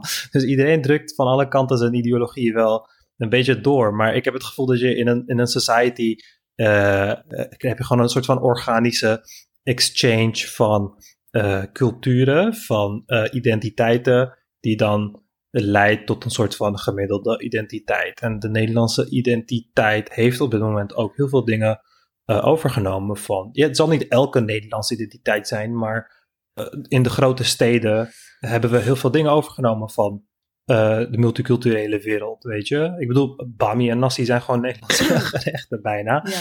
En de taal die nu wordt gesproken onder jongeren is een soort van uh, mix tussen, tussen alle talen die er, uh, die er aanwezig zijn in het land. Dus ja. dat organische, dat vind ik wel mooi, want het is de evolutie van niets, weet je. Wij, en kijk, je zult mensen hebben die dan klagen over de verloedering van de taal en weet ik veel. Maar we praten tegenwoordig ook geen oud-Hollands. Weet je, alle woorden die wij nu uitspreken, dat hebben jongeren gewoon ooit verkort of verzonnen of weet ik veel wat. En de taal is geëvolueerd op die manier. Dus ik denk dat we uh, heel alert moeten zijn met wat willen we wel, wat willen we niet meenemen in deze uh, uh, mengeling, maar het puur steriel houden en zeggen van wij willen nul invloed van, we willen de Nederlandse identiteit puur houden en weet ik veel wat allemaal. Dat, dat gaat nooit lukken. Je hebt automatisch die organische. Ja, maar bijvoorbeeld als het in de Nederlandse media gaat over Turken, dan al jarenlang valt het woord loyaliteit. Ze zijn niet mm. loyaal aan Nederland. Ze zijn loyaal ja. aan Erdogan. Neder-Turken, klik-Turken. Ja. Uh, ja, die woorden vallen heel vaak. En er zijn ook bijvoorbeeld mensen die dan op tv zeggen van ja, als Erdogan zegt uh, steek alles in de fik, dan gaan mensen dat ook doen. En waarom, ja. weet je, er wordt ook gesproken over een paard van Troje, vijfde kolonne. Ja, is een gevaar ja. voor Nederland, Turken, omdat ze zo nationalistisch en niet loyaal zijn aan Nederland. Hoe, hoe moeten we dat zien? Is dat hè? echt zo? Ja, eh, gevaarlijke denkwijze, hè, die paard van Troje. Dat is eigenlijk hetzelfde. Ja, het is eigenlijk oorlogstaal, hè? Ja, ik bedoel, voor precies dezelfde reden hebben wij uh, de Armenen uitgeroeid, weet je. Omdat we dachten dat het een paard van Troje was en elke Armeen een gevaar was voor de Turkse staat. Um, ja, ik, uh, dat, dat hele loyaliteitsaspect uh, is inderdaad wel een probleem. Maar ook dat is, um, ik denk dat het onmogelijk is om iemand die op dit moment loyaal is aan Turkije op dat gebied, die echt denkt van als er nu oorlog was tussen Nederland en Turkije, dan ben ik 100% voor Turkije en weet ik veel wat allemaal dat, dat je die ook niet uh, kan veranderen in dat opzicht. Dat, dat, dat, dat, dat soort dingen zitten wel ingenesteld. En dat is ook iets wat je in, een nieuwe, uh, in de nieuwere generatie moet, moet veranderen. Kijk, dat is echt zoiets dat jou. Uh, dat hebben veel kinderen wel. Weet je, dan heb je gewoon ouders. En na een bepaalde leeftijd, dan merk je een soort van de silliness, weet je, de soort van onwetendheid van je ouders. Dat ze bepaalde dingen vinden. Dat je ouders vrij racistisch zijn en weet ik veel wat allemaal. Weet je, dat soort dingen ondervind je. Ja, kijk, ik zie niet echt soort van doemscenario's, part van Troje-scenario's in dat opzicht. Ik denk dat het uh, redelijk kalm gaat blijven uh, in dat opzicht. Maar het is echt iets wat uh, een generational problem is. Het is echt de reden dat dat, ehm, dat, dat soort Turken zich niet Nederlands voelen en de loyaliteit daar ligt. Dat, dat gaan we niet veranderen in mensen van die leeftijd. En dat moeten we echt aanpakken uh, in de jeugd. En dat, dat zijn dan op de, precies dezelfde manieren als ik eerst heb benoemd. Geen fucking zwarte scholen. Weet je, het hele concept slaat nergens op. Geen zwarte buurten en weet ik veel wat. Dat soort dingen, dat is gewoon een dead sentence voor welke populatiegroep dan ook. En het bijt uh, beide kanten uiteindelijk in de reet. Ja, maar wat bijvoorbeeld ook heel vaak gezegd wordt door bijvoorbeeld rechtse mensen: van Nederland was altijd pro-Israël, dikste vrienden. Maar nu er steeds meer moslims, zeg maar, vocaler worden en zo, zie je ook steeds meer protesten tegen Israël. Juist die Palestina-protesten zijn enorm. Kijk maar op de Dam en zo, mhm. als er weer oorlog is. En daardoor verandert ook het beeld dat Nederland en Israël dikke vrienden zijn. En mensen die pro-Israël zijn, dus vooral Joden, die zeggen dan van ja, eigenlijk voel ik me hier niet meer thuis in Nederland en zo. Uh, er wordt ook vaak gezegd dat bijvoorbeeld de vrijheid van meningsuiting in gevaar is, omdat moslims bijvoorbeeld cartoonisten bedreigen en uh, Mohammed cartoons kunnen niet meer en zo. Dus allemaal dingen waar mensen zich zorgen over maken. Ik vind het. Uh, kijk, op, op het gebied van vrijheid van meningsuiting, dat, dat, ik ben 100% mee eens dat we dat best wel veel moeten doordrukken en geen geen, uh, uh, hoe heet dat, voet bij stuk geven? is dat, uh, is voet dat de correcte... bij stuk houden, ja. Oh, ja, dat we voet bij stuk houden, ja. dat, dat, is, dat is heel erg belangrijk, want het is ook een leerproces. Dat, dat vrijheids van meningsuiting deel, dat alles in principe gezegd mag worden. Tenzij je gewoon echt fucking irritant... Kijk, weet je wat, als ik nu een YouTube-channel ga starten waarbij ik niks anders doe dan de hele dag roepen dat uh, Mohammed pedofiel is en moslims zijn dit en dat en weet ik veel wat allemaal. Weet je, dan voegt het echt heel veel toe, maar um, het, het, zou, het zou in principe nog steeds mogen, maar het voegt niet heel veel toe, dus dat, dat, dat zou ik wel minder willen uh, verdedigen. Maar iets als cartoons en zo, dat is wel echt iets wat geleerd moet worden. Ik wil heel erg graag voor de moslims dat ze uh, dezelfde evolutie meemaken als, als de christenen. Dat Israël-deel, denk ik dat het ook een soort van. Ik denk niet dat het alleen door allochtonen komt. Ik denk dat het wereldwijd ding is dat uh, langzaam het beeld verschuift uh, rondom Palestina en Israël. En die kwestie, die oorlog, is heel erg een, een, een PR-strijd. Dus wie heeft de beste soort van ad-campaign, weet je? Wie heeft de best, beste advertentiecampagne. Uh, wie wint de meeste zieltjes? En op, op die manier verschuift de, de favor, zeg maar, die mensen erin hebben. Maar ja, kijk, uiteindelijk is dat wel een, een, een recht ook gewoon, weet je. Mensen hoeven niet per se... Uh, ja, ik vind, het, ik vind het heel moeilijk. Kijk, ik vind, je, je kan heel moeilijk zeggen dat, dat die mensen niet tegen Israël mogen zijn. Of dat andere mensen niet tegen Palestina mogen zijn. En dat je een soort van uniform uh, gedachtegang moet hebben in een land uh, daarover. Weet je, dat is een vrij enge gedachte om dat te denken. Ja. Dus ja, ik heb, ik heb er persoonlijk geen probleem mee dat mensen meer gaan uh, protesteren voor het een of de ander. Dat boeit me echt geen reet. Mensen mogen protesteren waar ze voor willen, zolang ze zich aan, aan, aan de wetten houden. Maar ik weet niet zo goed of dat per se uh, ja, ik weet niet of dat een, een favorable argument is om, om te houden. Want als je die gedachtegang aanhoudt, dan ja, gaat het jezelf ook weer in de, in de reet bijten natuurlijk. Wanneer jouw mening niet overeenkomt met de, de, Nederlandse staat en weet ik veel wat. Dus ja. Ja, dan als laatste wil ik inhaken op iets wat je zei. Dat je bij Hizbut Tahrir zat. Um, Je hebt ook een tijd. Uh, volgens mij heb je een keer verteld dat jij een hele religieuze periode had, toch? Dus je hebt een mhm. hele nationalistische periode gehad, een hele religieuze beweging geha uh, periode gehad. En daarna ben je eigenlijk juist weer heel fel ex-moslimmen of heel vocaal. Uh, hè, mhm. in die groep, in die Facebookgroep. En nu ben je juist weer hè, de mildheid zelf. Dus je bent heel genuanceerd in alles. En nu ben je gewoon vooral wetenschappelijk. En je bent niet meer zo heel fel in een bepaalde ideologie. Maar eigenlijk is dat een patroon die niet uniek is. Want heel veel mensen hebben mhm. dat. Uh, kijk maar naar Jason Walters. Eerst was hij zelfs terrorist, wordt hij genoemd. En nu is hij helemaal de andere kant op geslagen. Super erg anti-islam en zo. Maar ook andere bekende ex-moslims. Um, ik ben zijn naam kwijt, die in Amerika en zo. Ja. Maar dat is iets wat, wat je bij heel veel mensen ziet. Ja, dat, is, dat heeft ook weer te maken met ons onderwerp. Dus zoek toch naar identiteit. Die, die gat, dat gat wordt dan eventjes opgevuld door religie. En dan mhm. besef je dat eigenlijk ook gewoon onzin is. En dan kom je er vanzelf weer uit. Um, ja, ik denk dat wanneer je jong bent en die switch kan maken. Ik denk dat wanneer je in je uh, eind, ja, begin 20s eigenlijk, eigenlijk rond je 17e, 18e, soort van uh, een grote switch kan maken. En dat je denkt van, ik ga iets veranderen aan mijn manier van doen of denken of weet ik veel wat. En dat kan alles zijn hoor. Dat is ook uh, van uh, ongelovig naar gelovig gaan. Of andersom. Het kan ook iets zijn als vegetarisch worden of weet ik veel wat. Gewoon een grote keuze. Ik denk dat hoe jonger je begint met dat soort uh, grote keuzes te maken, omdat je een soort van eerlijk tegen jezelf wilt, uh, wilt zijn van wat wil ik en wat, wat voel ik en dingen wilt uitproberen, dat het ervoor zorgt dat je een wat, dat die plasticiteit langer uh, gewaarborgd blijft in je, in je leven, waardoor je minder va hard vastklampt. En ik denk hoe harder je hebt vastgeklampt in het begin, als je dat eenmaal hebt leren los te laten, dan wordt het makkelijker om dingen los te laten wanneer je geconfronteerd wordt met uh, gedachten van, oh, misschien zou dit niet kloppen. Weet je? Want zodra je dat niet doet, wanneer je eenmaal hebt vastgeklampt aan iets echt heel strak en je hebt nooit geleerd om los te laten, dan krijg je al die aspecten van cognitive dissonance. En dan uh, zal elk bewijs dat jou tegenspreekt of dat jouw hele wereldbeeld of ideologie tegenspreekt, dan uh, gewoon weggewuifd worden. En ga je jezelf gewoon willen overtuigen van nee, Weet je, de islam klopt. Of nee, Turkije is het machtigste land van de wereld. En nee, weet ik veel wat allemaal.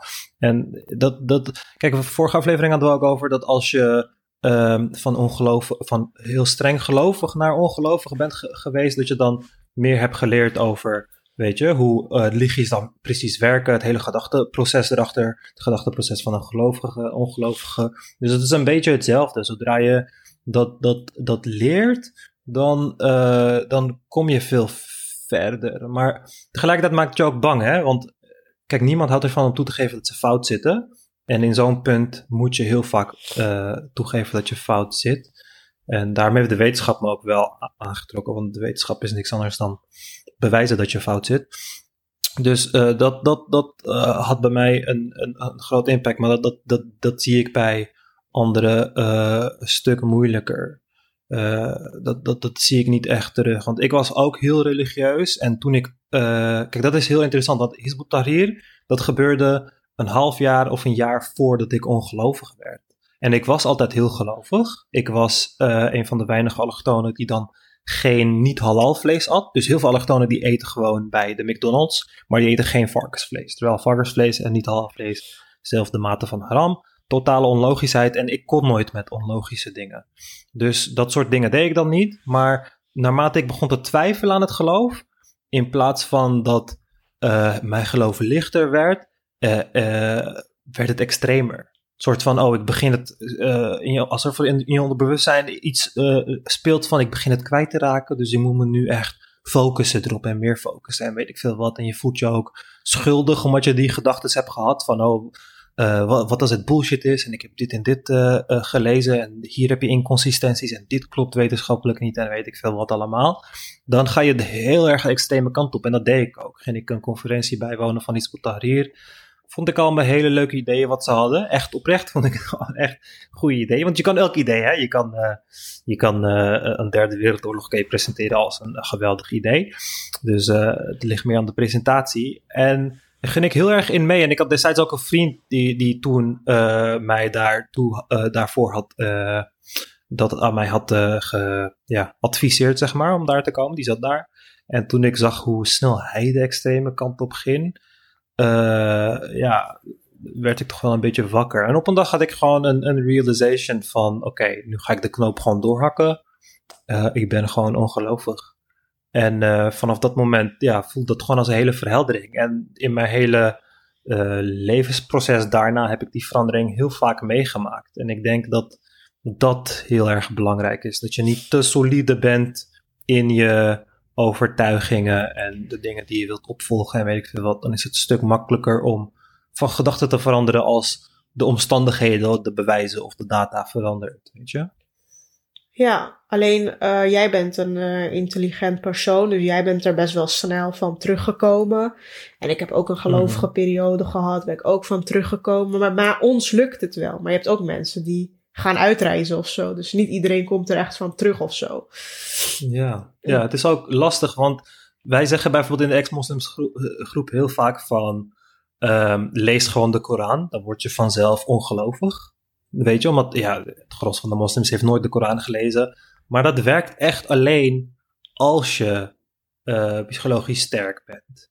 Dat, want heel veel mensen die, want je hebt dus mensen die uh, niet echt heel erg gelovig zijn. En dan lezen ze de Koran. En dan komen ze erachter dat het bullshit is. En dan gaan ze weg. Maar je hebt ook heel veel mensen die lezen de Koran. En dan vinden ze het opeens prachtig. Is dat het mooiste wat ze hebben gelezen? En weet ik veel wat allemaal. Ja, dat gebeurt. Want je, je, je begrijpt bepaalde delen niet. En in plaats van te denken, oh, this is obviously bullshit. Ga je het googlen. En vervolgens legt een of andere broeder. Die komt met uh, salam alaikum agis. Uh, vandaag ga ik jullie uitleggen over deze prachtige versen. En weet ik veel wat allemaal. En dan weet je, en dan voel je die rillingen en ga je bijna huilen, weet ik wel. Want ze maken hele goede filmpjes, weet je. Allemaal sketches over bepaalde versen en weet ik wel wat allemaal. En dan word je er zo weer ingetrokken. Dus daarom, uh, iedereen heeft ook een soort van eigen, eigen proces daarin. En ik geloof echt dat niet iedereen in staat is om daaruit te komen. Nee, tuurlijk iedereen... Niet.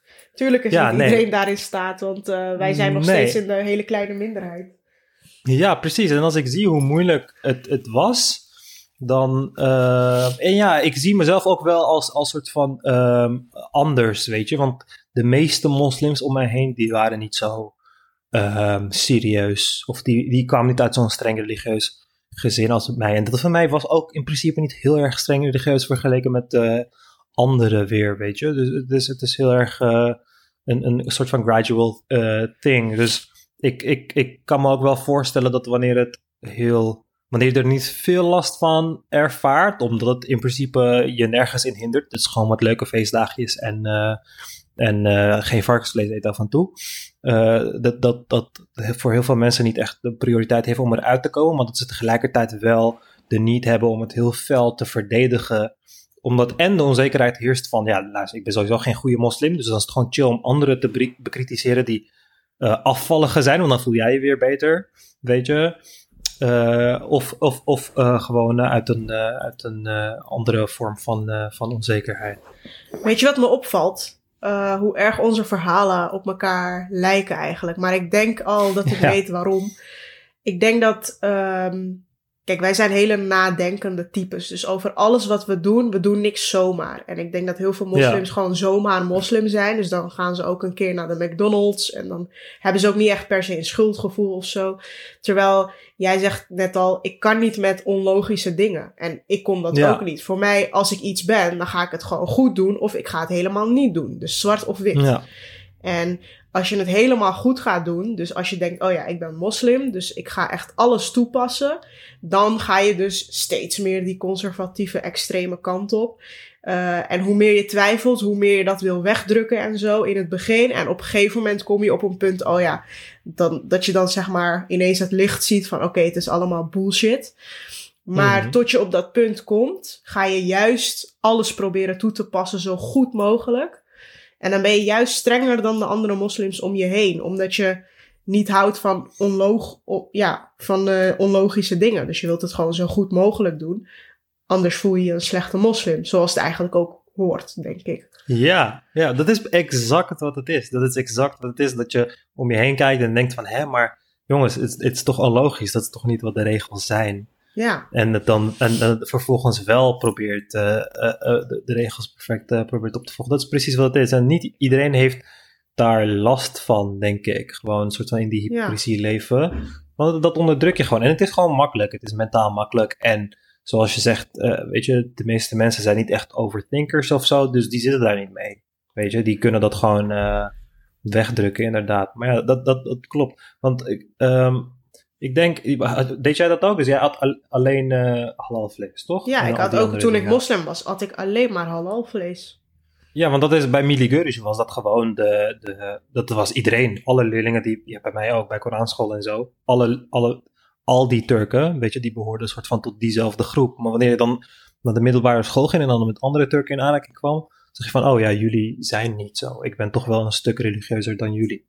Dat was voor mij wel de eerste eerste realization van, oh, niet, niet alle moslims zijn zo. Ik behoor maar tot een minderheid eigenlijk. Ja, ik heb eigenlijk ook een theorie dat uh, intelligente mensen of hoogopgeleide mensen uh, altijd een fase hebben van streng religieus zijn. Ook als je kijkt naar bijvoorbeeld die mensen die naar IS reizen of aanslagen plegen en zo, zijn altijd, bijna altijd hoogopgeleide mensen. Dat is ook heel raar eigenlijk.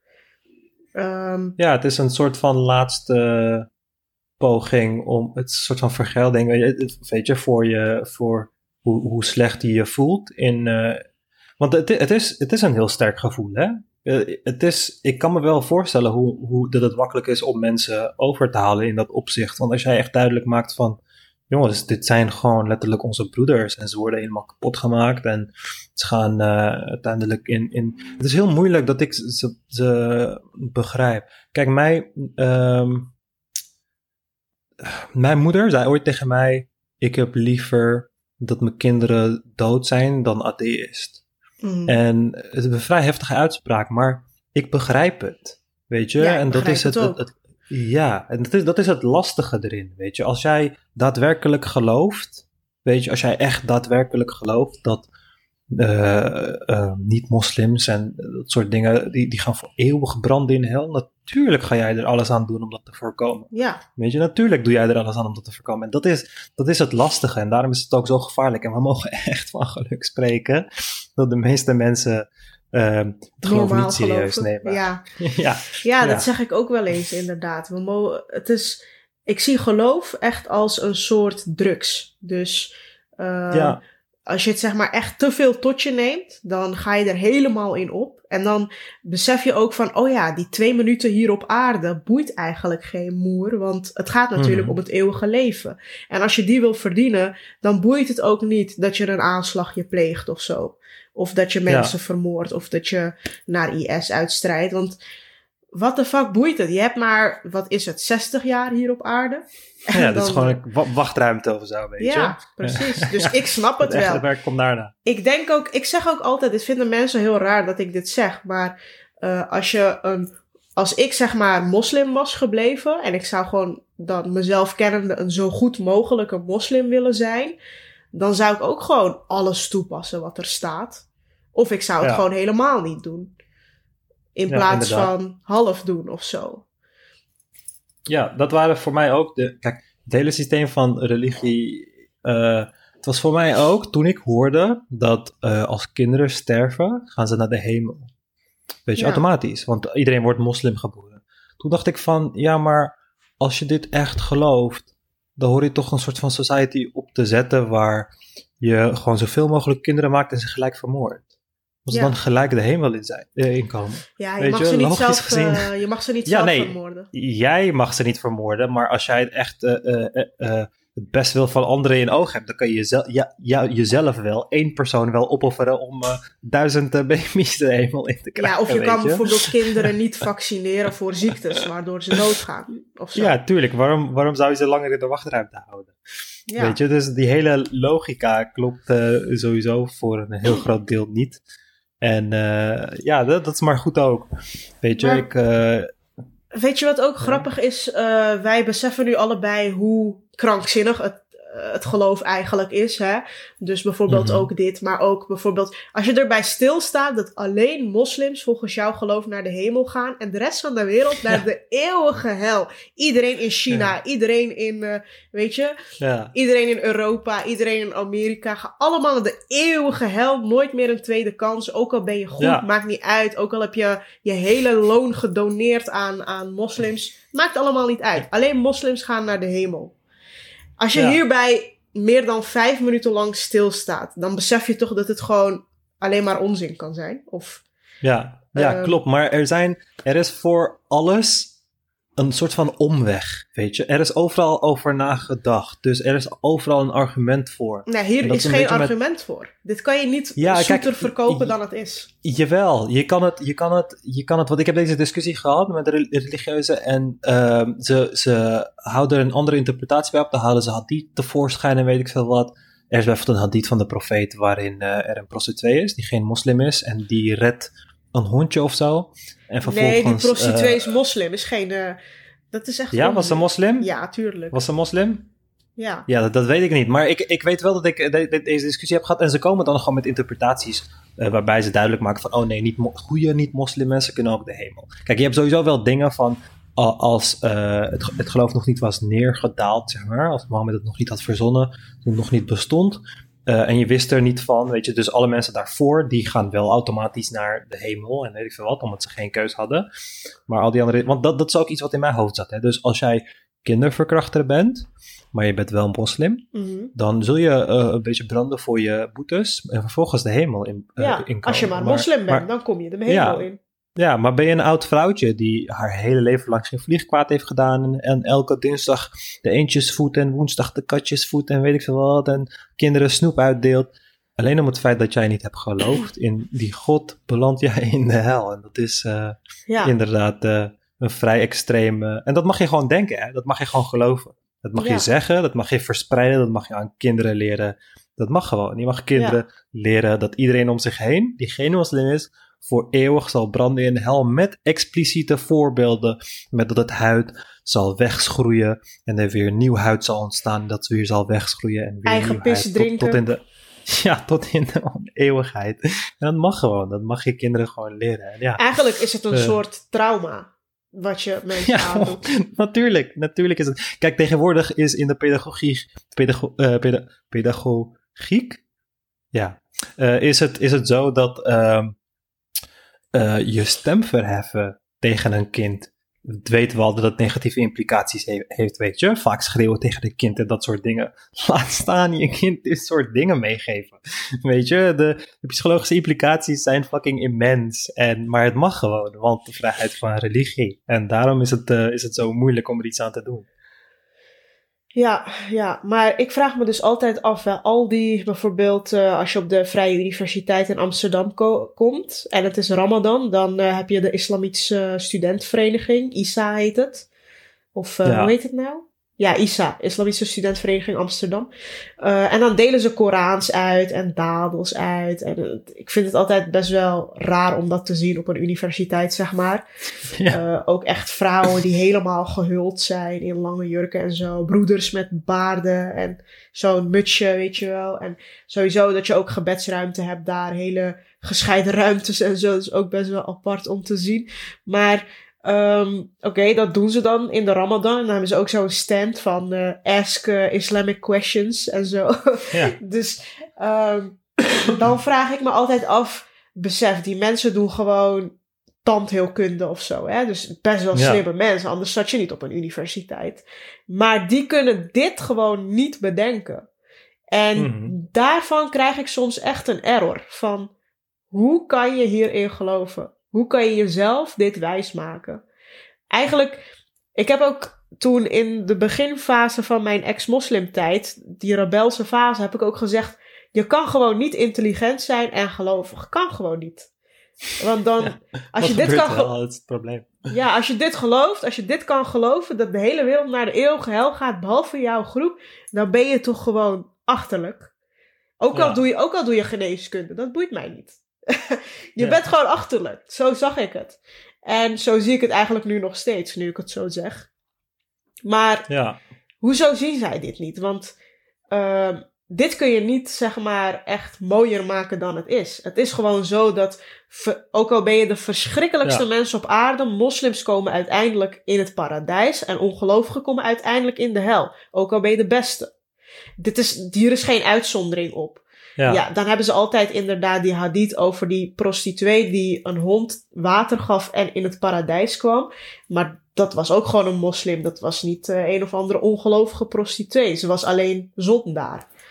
Ehm Ja, ja, als je, ja als je wilt, kan je wel. Ik, je, je- kijk, het probleem met de Koran en alle religies is dat je een antwoord op alles kan vinden. En het antwoord hoeft niet goed te zijn als het maar je geweten een beetje sust. En de, kijk, je, met, met cognitive dissonance, weet je, het is een fenomeen, het is een eh, psychologisch fenomeen waarin je gewoon twee totaal tegenstrijdige beelden in je hoofd kan hebben.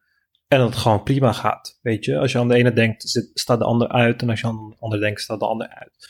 Dus dat, dat hebben mensen. En zodra jij eruit komt, is dat heel eh, overduidelijk. Ja, maar ja, dat is, dat is, dat is dus eh, een soort van cognitieve di- dissonantie. Want je hebt dat wel. Ik heb hele intelligente mensen gekend die gelovig zijn. En ehm, op de een of andere manier zijn ze heel rationeel en logisch op heel veel velden. En dat, maar dat merk je met alles. Dat is niet alleen bij religieuze. Zodra jij een bepaalde ideologie hebt, dan ga jij dezelfde fouten maken. Dat heb je van de fouten geleerd. Je bent van gelovig naar ongelovig gegaan en je hebt ervan geleerd en weet ik wat. Maar toch kun je uh, dezelfde fouten die je eerst heel, uh, die je nu duidelijk kan herkennen in de religie, maak je dan elders. En dat, dat heb ik best wel vaak meegekregen. En hetzelfde hebben uh, vegans bijvoorbeeld heel erg.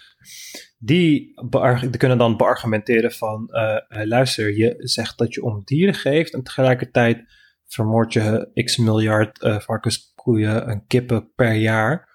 Uh, weet je, uh, en je bent tegen dierenleed, en, maar dit gebeurt wel achter gesloten deuren en dat weet je toch wel en dat is toch dom en je kan toch niet intelligent zijn en alsnog vlees eten. En ze hebben allemaal een punt, maar tegelijkertijd bestaan er ook tegenargumenten. En het is maar de vraag van, vind jij dat tegenargumenten kloppen en vind jij dat de tegenargumenten niet kloppen? En als jij van vlees eten houdt, dan zul jij meer in de favor zijn van de argumenten die jou verdedigen. En als jij niet van vlees eten houdt, andersom. Dus ik zie dit terug in alle ideologieën. En het is een, een bekende uh, uh, fout in, in, in de mens. Ik bedoel, wij zijn in heel erg veel vlakken onlogisch.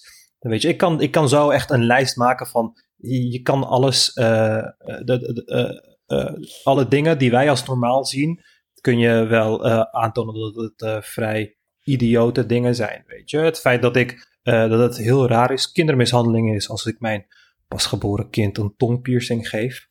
Maar de orenpiercen, dat is helemaal prima, weet je. Het zijn bij de piercing, het is bij de vlees doorboren met een pin, zonder dat ze er zelf om hebben gevraagd. Maar de ene mag wel en de andere niet. En ja, je bent een, echt een mogol als je dat verschil niet inziet. Maar tegelijkertijd denkt niemand er ook aan. Dus zien ze het verschil niet in.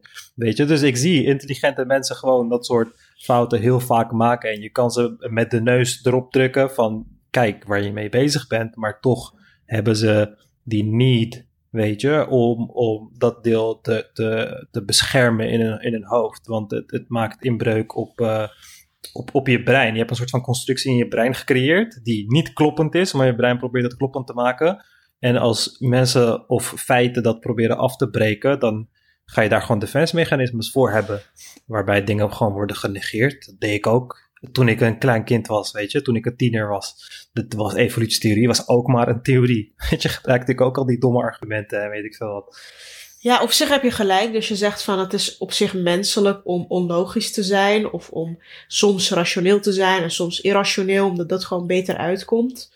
Maar um, als je iemand bent die gewoon voortdurend um, gewoon, uh, hoe noem je dat, logisch wil zijn dan vind ik bijvoorbeeld je voorbeeld van veganisme. Ik ben het met die veganisten eens. Als jij uh, beweert dat je van dieren houdt, dan kun je ze niet opeten. Ik denk alleen dat, de, dat heel veel mensen uh, vlees heel lekker vinden. En het boeit ze gewoon niet dat schapen of koeien of varkens doodgaan. Maar ze hebben dan ja. thuis wel een hond of een kat. Want dat heeft een bepaalde schattigheidsgehalte. En we hebben nou ja. eenmaal afgesproken als maatschappij. Oké, okay, die eten we niet. Dat zijn een soort van huisdieren.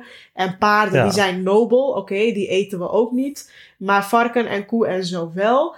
En dat is ook niet logisch. Dus ik zou die vegans gewoon gelijk geven. Als je als je echt rationeel wil zijn, ja. dan moet je ook gewoon inderdaad toegeven van oké, okay, het boeit me geen fuck die dieren. En ik hou alleen van schattige dieren. Dan zou je dat gewoon ja, moeten precies. toegeven.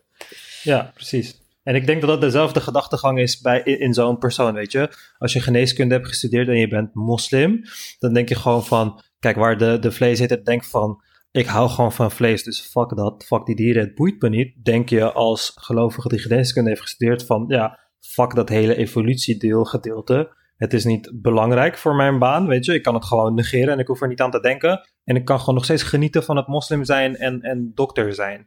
En dat is niet een bewuste keuze die je maakt, maar dat gebeurt puur in je onderbewustzijn. Dat is iets wat je hersenen zelf doet om uh, het soort van instabiele kaartenspel dat het heeft, kaartentoren die het heeft gebouwd, uh, niet te doen instorten, weet je. Maar ik denk dat ik en jij wel iemand, uh, wij zijn wel personen die die kaartentoren logisch willen houden. En dat we dan de hele dag bezig zijn met declutteren en weer opnieuw opbouwen tot het, log tot het klopt. En ik denk dat ja. heel veel men andere mensen dat niet per se hebben. Die hebben gewoon zoiets van, oké, okay, er staat een kaartenhuis ik ga er niet te veel naar kijken, want dan word ik gek. Gewoon houden zoals het is. Ja, precies. Afleiding en, en dat soort dingen. Ja, ja dat, dat, uh, dat klopt inderdaad. En uh, de, ik heb dat, die kijk nog steeds uh, hoor. Want ik denk nu nog steeds van, oh, ik, ben, ik heb deze grote fout gemaakt. Weet je, religie en weet ik wat. Ik heb al die fouten niet ingezien. Dat betekent dat ik zat andere fouten kan maken die. zat, zat andere fouten maak die ik nog niet heb gezien. Dus ja, dan kan je wel... vlekken. Ja, weet je wat het kutte is in het leven? Dat je heel veel dingen doet die je achteraf pas echt na heel lang, waarvan je achteraf denkt, oh ja, dat was eigenlijk niet zo slim of zo. Maar op het moment zelf zie je het niet. Dus dat maakt ook dat je bijvoorbeeld op dit moment misschien wel heel fout bezig bent. Waardoor je als je dertig bent ineens gaat denken van, waarom deed ik dat? En dat heb je ook met bijvoorbeeld relaties en zo die dan uitgaan. En dan kijk je erop terug en dan denk je, huh, maar hoe dan? en dan snap je gewoon niet waar je mee bezig was. En dat is gewoon zo kut, want dat betekent dat je op dit moment ook allemaal foute dingen kan doen, waar je later spijt van krijgt. Weet je? Ja. Uh, dat gevoel. Relaties vind ik uh, echt een hele goeie. Je kan uh, bijvoorbeeld, misschien heb je een vriendin en dan heeft die een vriendje en je weet gewoon allemaal red flags. Je weet, dit is foute boel, maar, en je probeert het dan er te vertellen, maar ze luistert niet. En ze gaat ook niet luisteren. En het maakt niet uit wat jij zegt, hoe jij dat gaat proberen te overhalen. Ze gaat gewoon niet luisteren. En vervolgens moet ze het zelf meemaken, dat de hart wordt gebroken, of echt vreemd, of weet ik veel wat allemaal. En vervolgens leert ze ervan, zeg maar. En je hebt duidelijk mensen die ervan leren, en je hebt mensen die er niet van leren. Weet je, je hebt mensen die gelijk dezelfde fout weer uh, begaan. En je hebt mensen die dat, die dat niet doen. En ik zie dat in, in al die dingen zo. Het is vaak dat andere mensen, wanneer andere mensen proberen om jou ergens uit te halen. Of het nou is omdat je religieus bent, of het is omdat je uh, extreem links of rechts bent, of andere extreme ideeën hebt, of gelooft in conspiracy theories, of weet ik veel wat. Het is heel moeilijk voor anderen om jou daarin te overtuigen. En jij moet het echt soort van zelf doen, op je eigen houtje doen. Je kan wel soort van inputs krijgen van verschillende plekken. Dat er zaadjes worden geplant van, oh, misschien zit ik fout. Maar je moet het toch wel heel erg zelf doen. Dus het is heel mo moeilijk om van buitenaf te, uh, te gebeuren.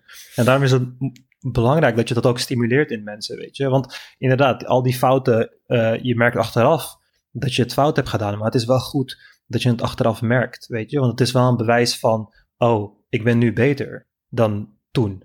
Nu zou ik het anders doen. Terwijl als jij uh, terugluistert naar de dingen, of terugdenkt aan dingen van uh, twee, drie, vijf jaar geleden. En je denkt van ja, ik denk er nog steeds precies zo over na. Ja, dan ben je echt nul gegroeid als persoon. Weet je? En die mindsets heb je wel veel. Merk je ook in heel veel ouderen. Van ja, jij bent waarschijnlijk na je dertigste echt uh, totaal niet verder gegroeid of zo. En je bent precies hetzelfde gebleven. En dat, dat is gewoon het verschil in persoonlijkheden, denk ik. Maar het is wel echt iets wat we, wat we moeten stimuleren. Hè? Want de wereld verandert steeds sneller. Dus wij gaan ook steeds sneller met de tijd mee moeten. En heel snel moeten aanpassen op heel veel dingen. Dus dat gaat heel handig zijn uh, op heel veel vlakken in het leven. Dus dat moeten we niet onderschatten. Oké, okay, mooie afsluiter. Ik zie dat we weer veel te lang bezig zijn. Dus ik ga het hierbij laten. Misschien dat we de volgende aflevering over relaties kunnen hebben en eventuele veelgemaakte fouten. Ja, ja, ja, nou wordt een leuke aflevering. Yes, dat was hem voor vandaag. Als jullie tot het einde hebben geluisterd, zijn jullie de real OG. Laat ons vooral weten wat je ervan vond. Stuur vooral nieuwe suggesties voor de volgende afleveringen. Dat kan op Instagram, eumer-34 of @lalegul met drie a's. En ik wens jullie nog een nieuwsgierig en leergierig leven toe. Doei!